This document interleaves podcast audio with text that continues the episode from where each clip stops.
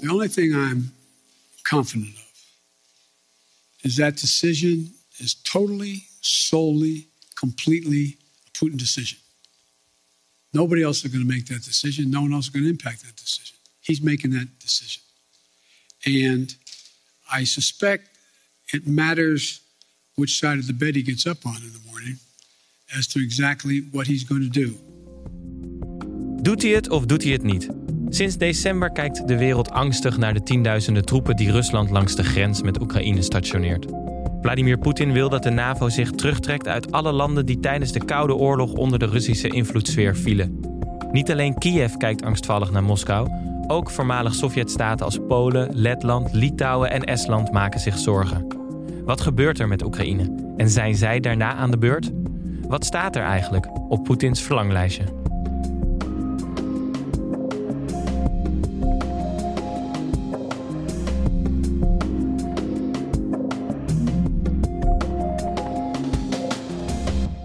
Welkom bij de podcast Wereldmachten. Mijn naam is Tim Wagemakers, ik ben journalist en neem je elke week mee in het geopolitieke spel achter het nieuws. En deze week gaan we het hebben over Poetins verlanglijstje. Er is een hoop gaande rondom Oekraïne, Kazachstan is in het nieuws geweest, uh, Wit-Rusland. Uh, maar we proberen vandaag te duiden waarom gebeuren de dingen die er nu gebeuren? Wat wil Poetin? En wat betekent dat ook voor het geopolitieke schaakbord? Nou, en dat doen we zoals altijd weer met Hans Klis, oprichter van de Buitenlandredactie. Welkom, fijn dat je er bent. Ja, dankjewel. En straks spreken we ook met Laura Staring. Um, Hans, we zijn een tijdje uh, nou ja, van de radar geweest, van de geopolitieke radar geweest, uh, ja. zo te zeggen. Jij bent vader geworden van een tweede kind. Klopt ja, klopt ja. Um, uh, hou je dan ondertussen ook nog alles bij? of heb je even rust genomen van geopolitiek, nu je een kleine nieuwe machthebber? op de wereld gezet. Kleine dictator bedoel je. Ja. Uh, nou, tussen het uh, proberen te slapen door heb ik natuurlijk wel met een half oog zitten kijken naar de geopolitieke ontwikkelingen in de wereld. Uh, en ik heb me vooral de afgelopen tijd heel erg druk gemaakt over het feit dat Nederland heeft aangekondigd dat het geen diplomatieke boycott naar de Olympische Spelen heeft afgekondigd. En dat ze eigenlijk zich een beetje verschuilen achter, achter de coronamaatregelen van de Spelen. waardoor ze geen, tussen aanhalingstekens, geen gesprekken kunnen voeren met China uh, over uh, de ja, mensenrechten situatie in Xinjiang. Ja, want ze hebben nog nooit van Zoom gehoord. En Microsoft Teams kenden ze ook niet. Of, ja. precies. Het is uh, volgens mij, ja, ik vind het een beetje makkelijk. Want ja, er gebeurt gewoon echt heel veel verschrikkelijke dingen in China. En dit was natuurlijk gewoon een manier om toch ja. Ja, even ja, je te laten horen als Nederland. We hebben daar een uitzending over gemaakt voor de kerst over sportswashing. Dus ook een mooie tip om daar nog eens naar te luisteren. Um, wat gaan we vandaag doen? We gaan het namelijk hebben over Poetins verlanglijstje. Um, maar ik denk als mensen dat willen snappen. Er gebeurt zo ontzettend veel. Je hebt Nieuwsuur nog niet gekeken of bij uh, alle programma's, zelfs bij VI vandaag, gingen ze met een Russische danseres het hebben over de situatie in Oekraïne. Overal gaat het erover. Maar als jij nou kort zou moeten zeggen wat er nu aan de hand is, wat is er dan nu aan de hand waar we het over gaan hebben? Rusland heeft uh, 100.000 militairen aan de uh, grens met Oekraïne uh, gestationeerd. En eigenlijk dreigt daar nu eigenlijk een, een, ja, een invasie plaats te vinden. En uh, Amerika, Duitsland, uh, uh, de EU, die proberen allemaal op diplomatieke manier eigenlijk Rusland daar ja, op andere gedachten te brengen. Maar Rusland, ja, die wil heel graag dat de NAVO zich eigenlijk terugtrekt uit, ja. uit het Oost-Europa. Anders, ja, anders gaan zij waarschijnlijk Oekraïne binnenvallen. Ja, nou is natuurlijk Oekraïne is, uh, iets van de, van, van, de afgelopen jaren. Dat is niet alleen van dit jaar. We hebben allemaal gezien dat uh, de Krim uh, geannexeerd is door Rusland. Dus het is niet de eerste keer dat Rusland binnenvalt. Maar toch is er nu iets anders. Omdat het verlanglijstje van Poetin, waar we het vandaag gaan, over gaan hebben... nou ja, opeens realistischer lijkt te zijn geworden. Want er zijn ook oude angsten die weer opleven... bijvoorbeeld in de Baltische Staten eromheen. Dat ja. is niet Oekraïne, maar ja, die hebben ook een grens met Rusland. Die denken ook, zijn wij nou de volgende op het verlanglijstje? Is dat een vraag die leeft? Ja, dat is zeker een vraag die leeft. En je ziet ook echt dat, uh, uh, nou ja, waarom we het eigenlijk hier over dat verlanglijstje hebben, is de aanleiding daarvoor is een artikel in Foreign Policy, waar het ook gaat over die Baltische staten, Estland, Litouwen, Letland, waar ze zich ook echt heel erg veel zorgen maken van zijn wij de volgende. En uh, ze eigenlijk denken, ja, het is niet een vraag van of het gaat gebeuren dat, dat de Russische troepen aan onze grens gaan staan, maar wanneer. want ja, ze hebben ook een hele ja. Een moeilijke relatie. Is een, moeilijke relatie. Getroubleerd woord voor moeilijk, wat jij gebruikt. Ja. een moeilijke relatie met, eh, met eh, Rusland. Want zij zijn natuurlijk ook bezet eigenlijk. Ja. Uh, na de Tweede Wereldoorlog. En misschien om dan heel even dat stukje setting, de scene van waar staan we nu te snappen. Ondertussen is ook Kazachstan nog een onderdeel daarvan. Daar gaan we het niet ontzettend over hebben. Maar daar waren protesten. Um, en daar is Rusland binnengevallen. Ja, die heeft even een aantal troepen gestuurd en even orde op zaken gesteld eigenlijk. En laten zien dat, ja, dat ze in korte tijd even ja, een, een volksopstand kunnen onderdrukken en daarna weer weg kunnen gaan. En wat zegt dat voor waar wij het nu over gaan hebben? Dat Poetin in staat is snel te handelen. Dus dat een eventueel dreigende invasie, nou ja, de, de, de, hij doet het in Kazachstan, daar heeft hij het gedaan. Dus waarom niet op andere plekken? Hij is bereid te handelen. Ja. Hij is bereid te handelen. Dat, we, gaan het daarover hebben en ook waarom die dat nu opeens is. Uh, maar jij hebt ook iemand, uh, we hebben ook iemand gevraagd, uh, Laura Staring, om ons straks verder te helpen. Waarom heb je haar gevraagd of waarom willen we haar spreken straks? Nou, zij is jarenlang correspondent geweest in Rusland. Heeft ook natuurlijk die, de val van de Sovjet-Unie meegemaakt. En zij is een van de, ja, de experts eigenlijk achter de site Raam op Rusland. En dat is gewoon de site waar je heen wil gaan als je meer wil weten over wat er in Rusland gebeurt op dit moment en waarom. Oké, laten we het nog even simpel uit, uit, elkaar proberen te krijgen. Want Poetin, als je het aan hem denkt, of ik heb ook over hem gelezen, ik bedoel dat hij nooit blij is geweest met hoe de situatie nu is, hoe de kaart verdeeld is, uh, dat weet iedereen. Maar op dit moment is er een moment waarop het op het scherp staat. Ja. Um, waarom is het nou zo dat Poetin nu denkt: dit is het moment om mijn verlanglijstje te gaan innen? Ja, nou, dat is een goede vraag. Uh, Poetin is al 22 jaar lang aan de macht. En uh, hoe langer je als autocraat aan de macht bent, hoe paranoïder je eigenlijk wordt. Ik bedoel, hij staart ook al 22 jaar lang uit datzelfde raampje uit het Kremlin naar buiten. Hij ziet alleen maar hetzelfde eigenlijk. Wel mooi uitzicht trouwens. Ja, dat is zeker waar. Maar als je dat 22 jaar lang moet zien. Ja, ja, ja, maar uh, ja, hij, hij, hij is altijd bezig met ja, zijn eigen positie ja, be bewaken, uh, aan de macht blijven. En het afgelopen jaar is gewoon heel, ja, is gewoon een heel slecht jaar geweest voor, voor Poetin. Uh, we hebben natuurlijk de, de coronapandemie, die de economie, maar ook de volksgezondheid heel erg uh, een klap heeft toebedeeld in, in Rusland. Er gaan ook duizenden mensen dood. En de verkiezingen van vorig jaar september, daar, ja, dat is gewoon daar is heel veel onvrede over gekomen bij de, bij, de, bij de burgers. Want daar is onwijs bij gefraudeerd. Zelfs de communistische partij, die, die meestal aan de zak zit van Poetin. Er wordt toch altijd gefraudeerd bij verkiezingen in Rusland sinds Poetin aan de macht is? Ja, maar dit keer was het wel weer heel erg, uh, heel erg bal eigenlijk. Uh, het dit keer was het heel erg bal. Het was, voor, het was zo duidelijk dat, ja. dat, dat, dat ook intern daar kritiek en protest op kwamen. Politieke partijen ja. die meestal aan de zak zitten van Poetin, uh, die klaagden ook. Dus okay. dat moet heel erg zijn geweest. Positie intern wankel. Ja, en zijn populariteit is gezakt naar tussen de 50 en 60 procent. Terwijl dat bijvoorbeeld bij de invasie van de Krim uh, in 2014 rond de 90 uh, is komen te hangen. Ja. Waarom Poetin nu de, de, eigenlijk de, het vuur uh, opzet onder Oekraïne, onder dat conflict met Oekraïne, is omdat hij eigenlijk ja, hoopt dat het, dat, dat het volk zich achter hem gaat scharen tegen die, die buitenlandse macht, die, de buitenlandse machten, want niet alleen Oekraïne, maar ook NAVO natuurlijk. Ja, die Amerika. Uh, en dat hij daardoor dus weer die populariteitsboost krijgt eigenlijk. Ja. Maar dat is eigenlijk een hele oude regel uit het hoe maak ik mezelf populair intern. Mm -hmm. Dat is een externe vijand creëren en uh, uh, het buiten mezelf leggen. Ja. Bush, die, ja.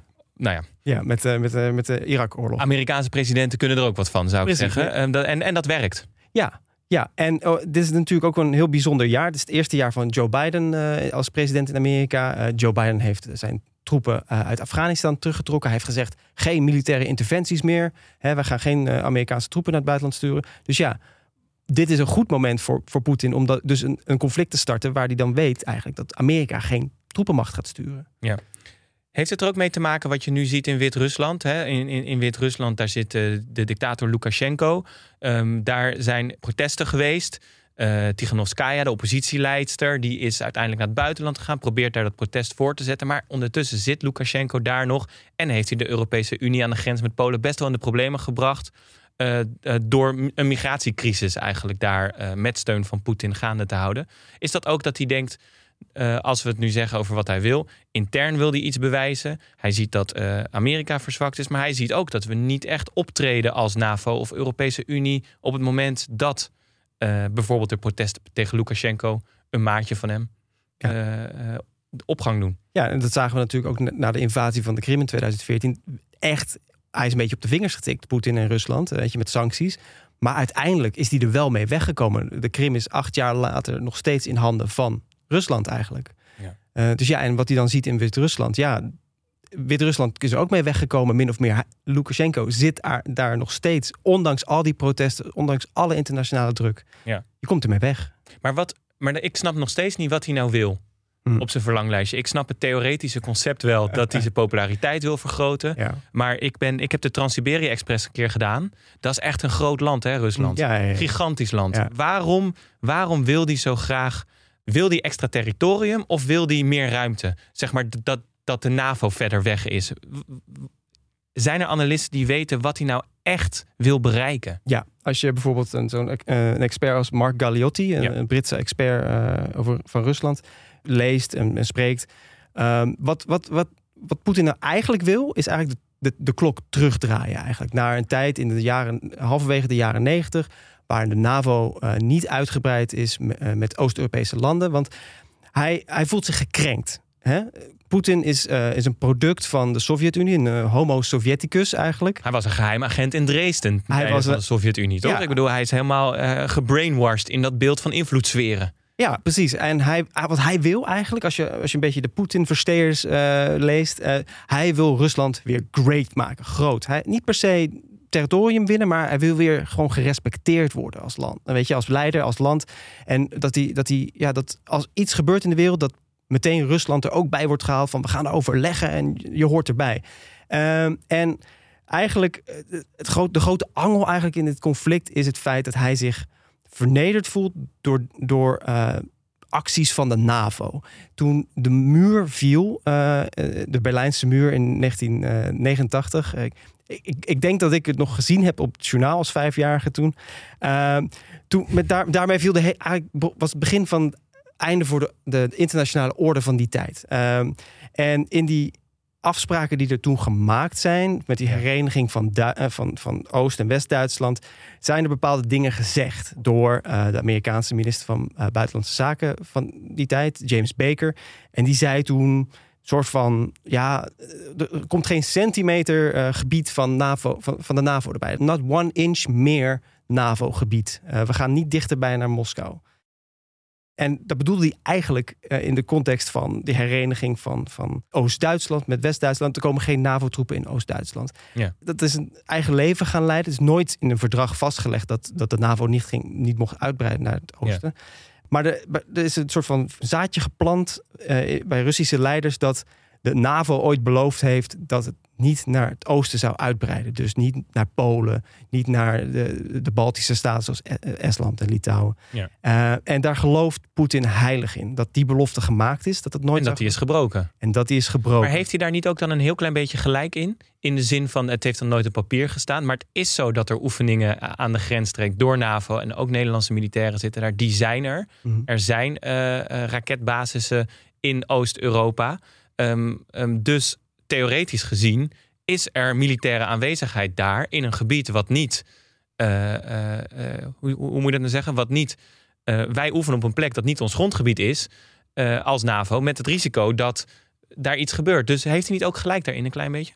in de geest heeft hij, de, heeft hij misschien een beetje gelijk in. Maar je moet, Rusland heeft in 1994 ingestemd met eh eh, toetreden van Polen bij eh, de NAVO. Rusland is lange tijd een, een soort van een optie geweest van dat, dat die ook zich bij de NAVO zou voegen. En Rusland heeft zich er ook bij, tegen uitgesproken een beetje, zo moeilijk over gedaan. Maar uiteindelijk zijn, zijn de relaties met Rusland in de jaren negentig een beetje ja, verzuurd door, door, door Yeltsin, die, die, Ja. die dronken door Washington op een gegeven moment tijdens een top liep eh, in zijn onderbroek en eh, pizza om pizza riep. Ja. Weet je, die, die Bill gegeven- Clinton heel grappig. ja, met Bill Clinton had hij dronken tirades aan het eh, telefoon. Weet je, die man, de man ja, viel een beetje uit elkaar. Ja. En dat was niet de allure waarvan Poetin vindt dat Rusland het moet hebben. Dat Ja. is eigenlijk het ding. Ja. Maar, maar dan hebben we nog niet beantwoord. Want kijk, het, het, is ook een, het voelt soms ook weer als een soort groot geopolitiek spel. Waar allemaal dingen in gebeuren. Maar ehm, ehm, ondertussen, je zal maar. En dan hebben we het nog niet eens over Oekraïne of Wit-Rusland zijn. Je zal maar eh, in Polen wonen, aan de grensstreek. Deze retoriek zien. ehm, en denken, zijn wij nu de volgende op het verlanglijstje? Heeft dat meteen effect? Eh, herleven daar oude angsten? Wat doet dat met mensen in die grensstreek? Dat het nu zo is opgeleid. Nou ja, je ziet dus in die Baltische staten dat, dat bijvoorbeeld de regeringsleiders gezamenlijk al zijn opgetrokken eind december en hebben, eh, gewoon hebben, zich hebben uitgesproken tegen ieder conflict in Oekraïne. Al steun hebben toegezegd, materieel, eh, wapens, eh, van alles en nog wat wat Oekraïne nodig zou hebben. Ehm, en in ja, Polen, ja, bedoel, die, die hebben ook hun eigen ervaringen natuurlijk met, met, met Rusland. En die voelen dat natuurlijk ook. Want nu uh, heeft, hebben Wit-Rusland en Rusland samen weer nieuwe militaire oefeningen aangekondigd. In Wit-Rusland aan de grens met Oekraïne, maar ook met Polen. Weet je, dus dat, ze, zien eigenlijk, ze, ze zien straks de tanks aan de overkant van de grens staan. Ja, en, en, en laat ook niet vergeten dat in, in, eh, in Oost-Oekraïne gewoon al jaren een oorlog woedt. Met Russische separatisten gesteund door Rusland. Ja. Dus het, het, is, het is een reële situatie. Er gebeuren dingen. Ja, ja, bijvoorbeeld uh, in uh, Reformatorisch Dagblad was er in december nog een heel mooie reportage over vrouwen, oude vrouwen, die in, de midden, in het midden van de nacht gebombardeerd werden. Dus hun huizen werden helemaal kapotgeschoten. Omdat ze aan de frontlinie woonden met de Donbass-regio in het oosten van de Oekraïne. En dat ze hun huis moesten ontvluchten in het midden van de nacht. Hartje winter, weet je, in een pyjama. En dat ze nu moeten bedelen om, ja, om, om, om eten te krijgen bij hulporganisaties. Dat soort dingen, weet je. Dat, ja. Maar is het dan zo dat we eigenlijk aan dat de reden waarom dit nu gebeurt, waarom Poetins verlanglijstje opeens niet alleen een lijstje is, maar ook nog iets is waarvan hij misschien echt hoopt dat hij het kan binnenhalen. Dus dat de NAVO zich terugtrekt. Hm. Dus dat hij misschien ook ergens kan binnenvallen en uh, op die manier het grote Rusland weer kan herstellen. Dat dat reëler is geworden door een aantal factoren. Amerika, leiderschapswissel, een verzwakte Europese Unie en NAVO rondom conflicten met Wit-Rusland, migratiecrisissen, corona, ehm, de interne niet-populariteit van Rusland of, of, van Poetin, waardoor die denkt: ik moet dit nu wel gaan doen. Dat zijn allerlei factoren waarom dit nu opeens op tafel ligt. Ja. Ja. Ik, ik, vind dat wel. Vind dat niet zo opmerkelijk? Want we hebben toch. Uh, uh, ja, we, we, laten toch ook een beetje de illusie los dat. Zeg maar tien jaar geleden, toen ik op, op de middelbare school zat, nou iets langer ondertussen, een tijdje terug. toen was toch ook het verhaal: we hebben ondertussen wel Rusland zo een beetje klaar. Ja. Zeg maar, dat hebben we toch opgelost. Eh, Rusland bestaat nog wel hartstikke goed. Prachtig land, ga er vooral naartoe. Het is ook echt een prachtig land. Maar op het wereldtoneel moeten we alleen nog maar naar China kijken. Eh, en Amerika natuurlijk. En misschien de Europese Unie. Maar Rusland is op dat niveau wel uitgespeeld. Ja, nou, het heeft de, de, de economie is toch groter als die van Spanje. Hè? Dus het is inderdaad, Rusland is ook eigenlijk wel, het is een groot land, maar ook een klein land eigenlijk. Ja. Uh, maar het wil zich zo groot voelen. Althans, de leiders die willen zich heel groot voelen. We moeten maar eens gaan kijken hoe dat zich uit gaat spelen. En dat hoeven we gelukkig niet alleen te doen, want we gaan daarover praten met Laura Starink. En Laura Starink is dus uh, journalist. Ze was jarenlang Rusland-correspondent van de NRC. En ze is een van de mensen achter de website Raam op Rusland. En eigenlijk volgt zij al jaren alles rondom Rusland. En nou ja, de gevolgen ook voor Oost-Europa en de Baltische Staten. Dus uh, we gaan snel naar Laura toe.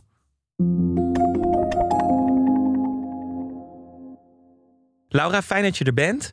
Um, er zijn nu uh, gesprekken geweest met de VS en Rusland heeft een uh, ultimatum gesteld hè, dat op papier moet komen dat de NAVO niet uitbreidt. Um, maar als ik het hoor, hoe groot, ja, de kans is niet zo groot dat dat gaat gebeuren, uh, dat het ook echt getekend wordt. Hoe gaat dit zich dan verder ontwikkelen?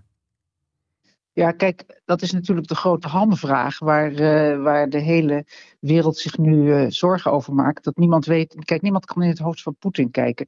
Als je um, militaire analisten uit het Westen volgt, en er zijn, ik volg er een aantal die, uh, die buitengewoon goed op de hoogte zijn, dan maken die zich hele grote zorgen. Die zeggen er is nog nooit iets uh, vergelijkbaars geweest, een dermate grote troepenopbouw rondom Oekraïne. En ja, dat kan je niet straffeloos doen. dan moet je, dus op een gegeven moment moet je ook in actie komen. Het laatste nieuws daarover is dat, um, dat de Russische troepen nu ook Belarus zijn binnengetrokken. Uh, afgestemd natuurlijk met Lukashenko. Waardoor dus ook de noordgrens van Oekraïne. Uh, daar worden dan zogenaamd oefeningen, militaire oefeningen gehouden. Uh, maar ook die noordgrens is dus nu um, voorzien van Russisch materieel. En dat maakt opeens Kiev, ligt dan bij wijze van spreken binnen handbereik voor de Russische troepen. En dat, dat is natuurlijk ook best wel een griezelige ontwikkeling. Ja. Maar ja, kijk, als je Russische analisten uh, leest die kritisch zijn op het Kremlin, dan zeggen ze het is bluff en hij heeft geen poot om op te staan. Want wat is het plan? Ja, en dat weten we niet. Maar jij volgt al zo lang uh, Russische politiek en alles wat er gebeurt. Um, en heel vaak is het toch ook uh, bluff in de zin van, nou ja, er is veel retoriek, er is veel wat gezegd wordt. Um, maar is dit, als jij dit zo volgt, dat jij ook denkt dat dit echt wel anders gaat ontwikkelen de komende weken? Dat hier echt wel iets heel anders gaat dan misschien de afgelopen jaren?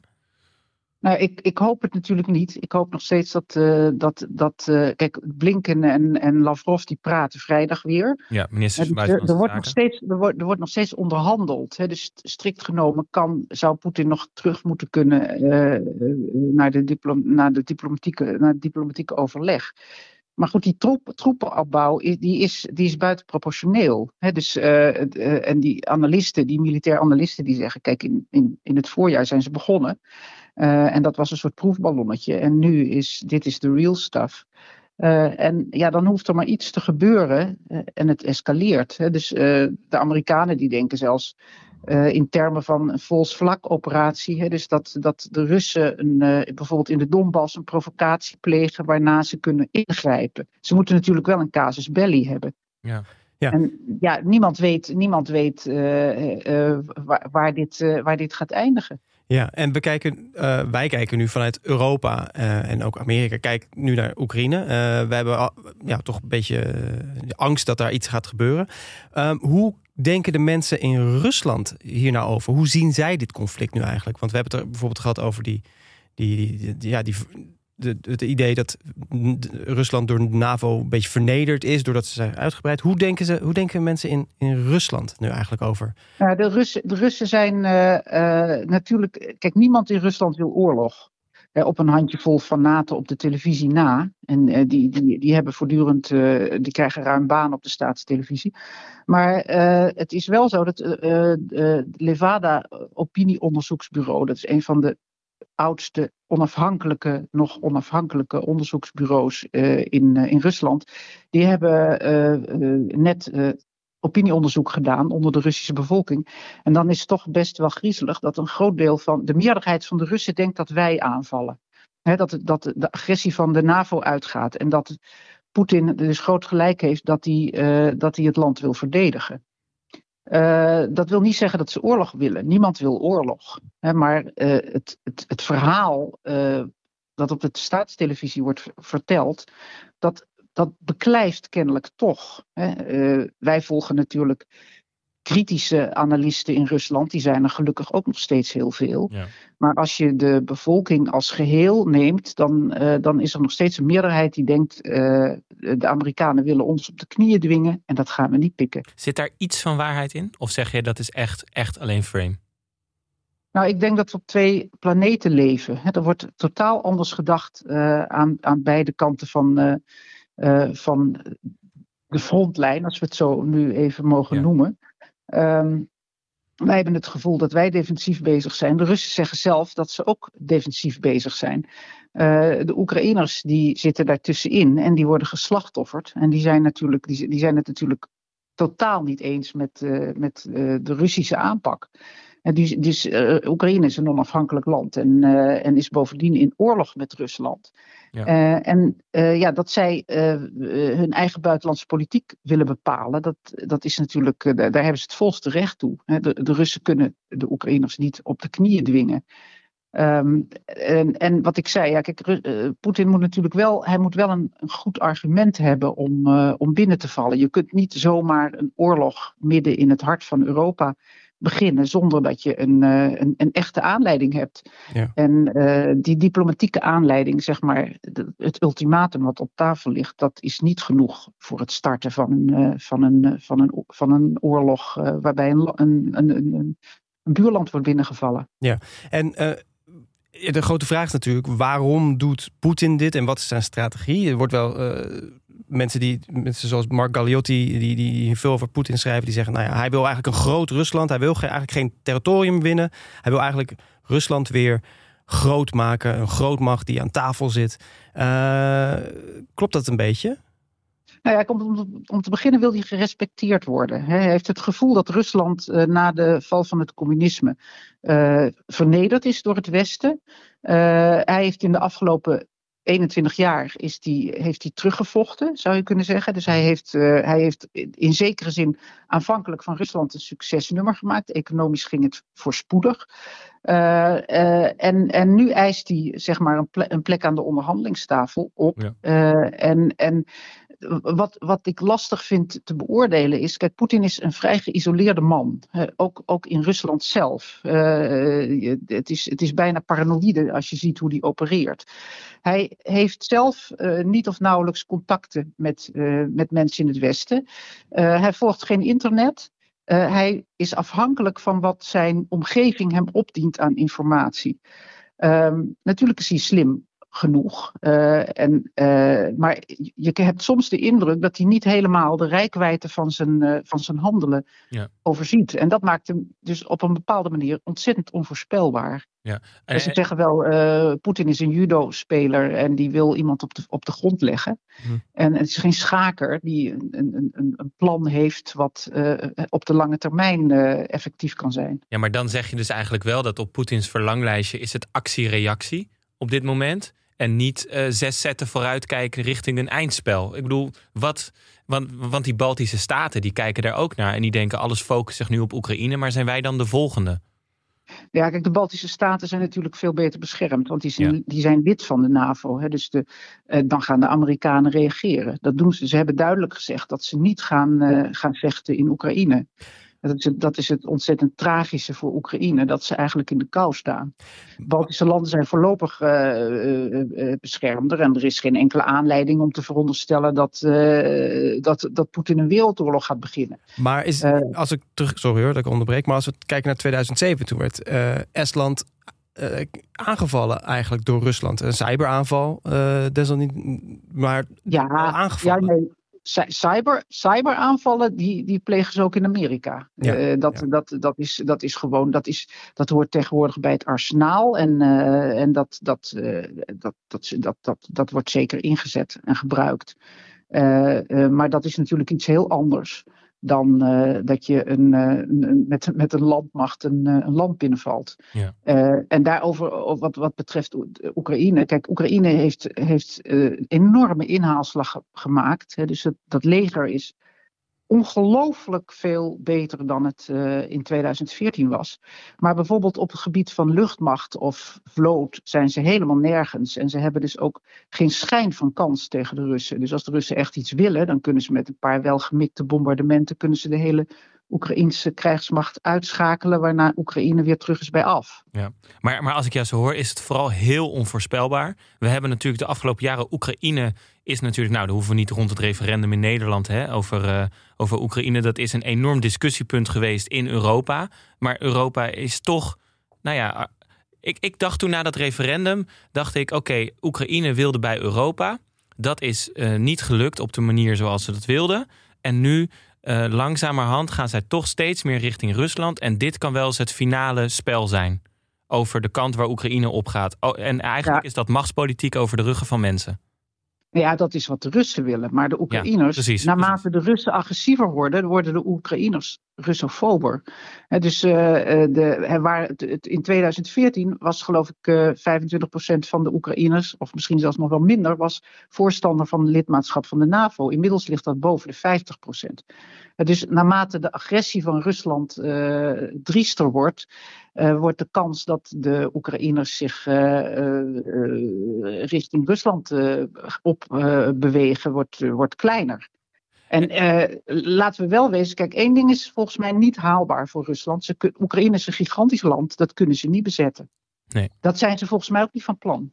Maar misschien tot slot dan, als jij met al jouw ervaring um, naar mensen die dit willen snappen wat er de komende tijd gebeurt. Er gebeurt zoveel. Wat moeten wij nou echt in, in het Westen of in Nederland in onze oren knopen als we dit allemaal zien ontwikkelen rondom Oekraïne? Nou, dat, uh, dat, dat we mogen hopen, bidden en smeken dat de diplomatie zegeviert. Hè, dus dat de Amerikanen en de Europeanen blijven praten. En dat er dus op een gegeven moment hè, door zeg maar in dat ultimatieve pakket een soort uh, tweedeling te maken tussen wapenbeheersingsonderhandelingen, die voor het Westen heel uh, acceptabel zijn, en uh, uh, de eisen die uh, Poetin op tafel heeft gelegd, die, die, die eigenlijk de klok terug te draaien naar de periode van de Koude Oorlog, de periode met de invloedssferen, dat is onacceptabel voor het Westen. Dus daar zal Poetin dan een vier moeten laten. Maar of hij daartoe bereid is, dat is, ja, zoals ik zei, dat, dat weet niemand. Dus koffiedikkijkerij. Ja, nou, we gaan het volgen. Ontzettend veel dank, want je hebt ons in ieder geval een stukje wijzer gemaakt in uh, waar wij op moeten letten de komende tijd. Uh, Laura Staring.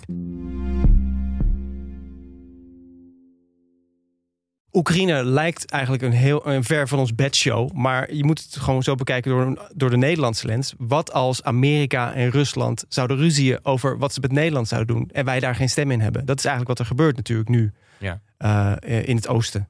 En laten we in die zin dan ook eigenlijk niet vergeten dat het al oorlog is. Hè? Want ik bedoel, het is wel benoemd, maar we hebben het natuurlijk ook een beetje over gaat uh, Poetin binnenvallen. Maar ondertussen zitten, zeker in Oekraïne, uh, eigenlijk mensen al langer in een situatie dat er gebombardeerd wordt, dat er gevochten wordt.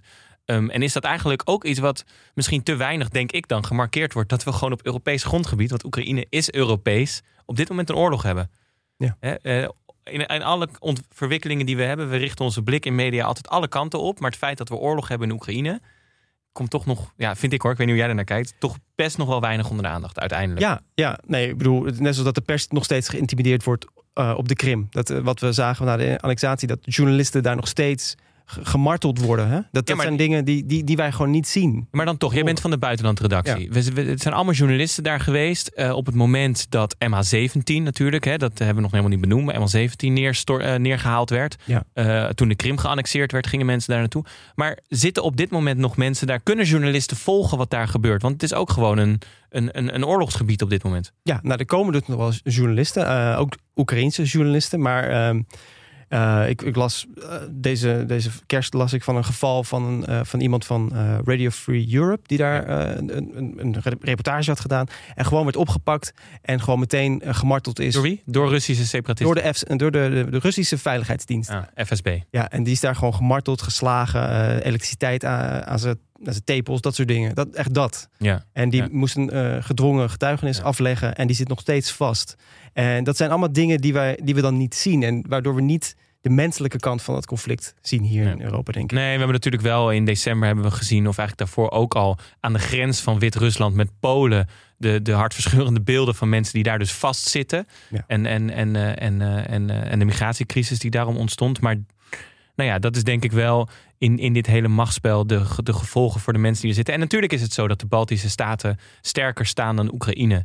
Maar toch, dat zijn ook families die uh, ouders, die opa's hebben, die jarenlang in de Sovjet-invloedssfeer uh, zitten en zien dat de retoriek verandert en het zelfvertrouwen groeit. Dit zijn mensen die nog hebben meegemaakt dat ze naar de Gulag zijn gestuurd of zelf zijn opgepakt ja. door, de, door de KGB uh, ja. vanwege hun opvattingen. Ja, dus uh, dit is echt, dit hele conflict, het is niet ver van ons bed. Het is echt, het is, het, het is, het is niet eens in onze achtertuin. Het is gewoon op onze deurmat. Ja. Heer, heer. Um, we gaan het zeker volgen. En ik, ik, denk ook dat we hier nog vaker op terug gaan komen. Uh, hoe het uh, zich verder ontwikkelt. Voor nu, heb jij uh, nog een. want we, laten we vooral ook goed werk onder de aandacht brengen. Van mensen die goede buitenlandjournalistiek bijvoorbeeld bedrijven. Heb jij nog een shout-out naar iemand waarvan je zegt: jongens, zoek dit op. Want dit moet je echt lezen. Dit moet je volgen. Ja, dat is correspondent Michiel Driebergen. En die, die werkt in Oekraïne en in Moldavië en in, in Wit-Rusland. Hij was volgens mij ook de enige journalist in Wit-Rusland toen die protesten begonnen. Uh, hij was erbij. Uh, dit is gewoon iemand die, die die situatie met Rusland ook op de voet volgt. Die vaak aan de frontlinie is in de Donbass. en hij heeft ook een eigen nieuwsbrief. Stam, standplaats Lemberg op Substack. kan je die vinden. En die zou ik ten zeerste aanraden. Nou, die gaan we ook op Vriend van de Show zetten. Dus laten we dat zeker doen. Ondertussen wil ik de aandacht nog even erop leggen dat over twee dagen de Doomsday-klok weer uh, gelanceerd wordt. Hè, dat is een grote klok die laat zien hoe lang we nog hebben tot uh, nou, extinctie. um, um, nou ja, dat is dan nog de paraplu die boven deze aflevering hangt. Er moet nog een hoop gebeuren. Maar dat is wel, het is wel interessant omdat altijd een moment is waarop uh, ook een soort lobby-instrument richting machthebbers van uh, probeer het in een breder perspectief te plaatsen, alles wat er gebeurt. Nou, dat is over twee dagen, dus, uh, dus daar zullen we ook een linkje naar zetten wat daar allemaal uitkomt. voor nu wil ik jou weer danken, Hans. Ik wil onze expert danken, Laura Starink en natuurlijk de luisteraar. Bedankt voor het luisteren. Je luisterde naar een podcast van Dag en Nacht Media in samenwerking met de Buitenlandredactie. Productie door Esther Krabbenam, redactie door Jeroen Sturing en Meerte van Munster. Montage door Jeroen Sturing, eindredactie door Anne Janssens. De muziek is van Studio Cloak en je vindt ons op vriendvandeshow.nl slash wereldmachten en op Twitter en dan moet je het account Wereldmachten volgen. Tot volgende week.